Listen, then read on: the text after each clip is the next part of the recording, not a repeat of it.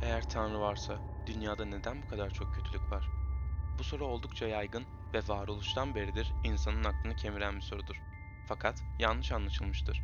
Çünkü her şey dengede olmalıdır. Aydınlık ve karanlık, iyi ve kötü, ses ve sessizlik. Biri olmadan diğeri var olamaz. Eğer bu doğruysa Tanrı neden kötülükle hiç savaşmıyor? Evet, bu da ilk sorunun ardından sorulan en popüler sorulardandır. Ama tabii ki kötülüğe karşı savaşıyor. Amansızca, durmadan savaşıyor.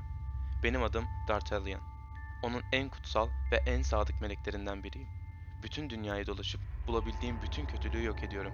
Hakkında en ufak bir şey bile duymak istemeyeceğiniz canavarları öldürüyorum. Hepsini yok ediyorum ki geceleri sıcak yatağınızda mışıl mışıl uyuyabilirsiniz. Kaçınız benim yaptıklarım ve uğraşlarım sayesinde hala yaşamaya devam ediyor, en ufak fikriniz bile yok.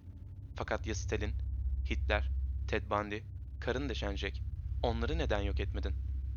Aslında onlar yaşamalarına izin verdiğim küçük, daha zararsız olanlardan. Dengeyi sağlamak için.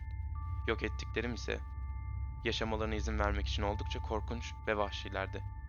Ne kadar komik. Bahse girerim hiçbir dini kaynakta ismim D'Artagnan'a rastlamamışsınızdır. Fakat eminim ki beni yine de duydunuz.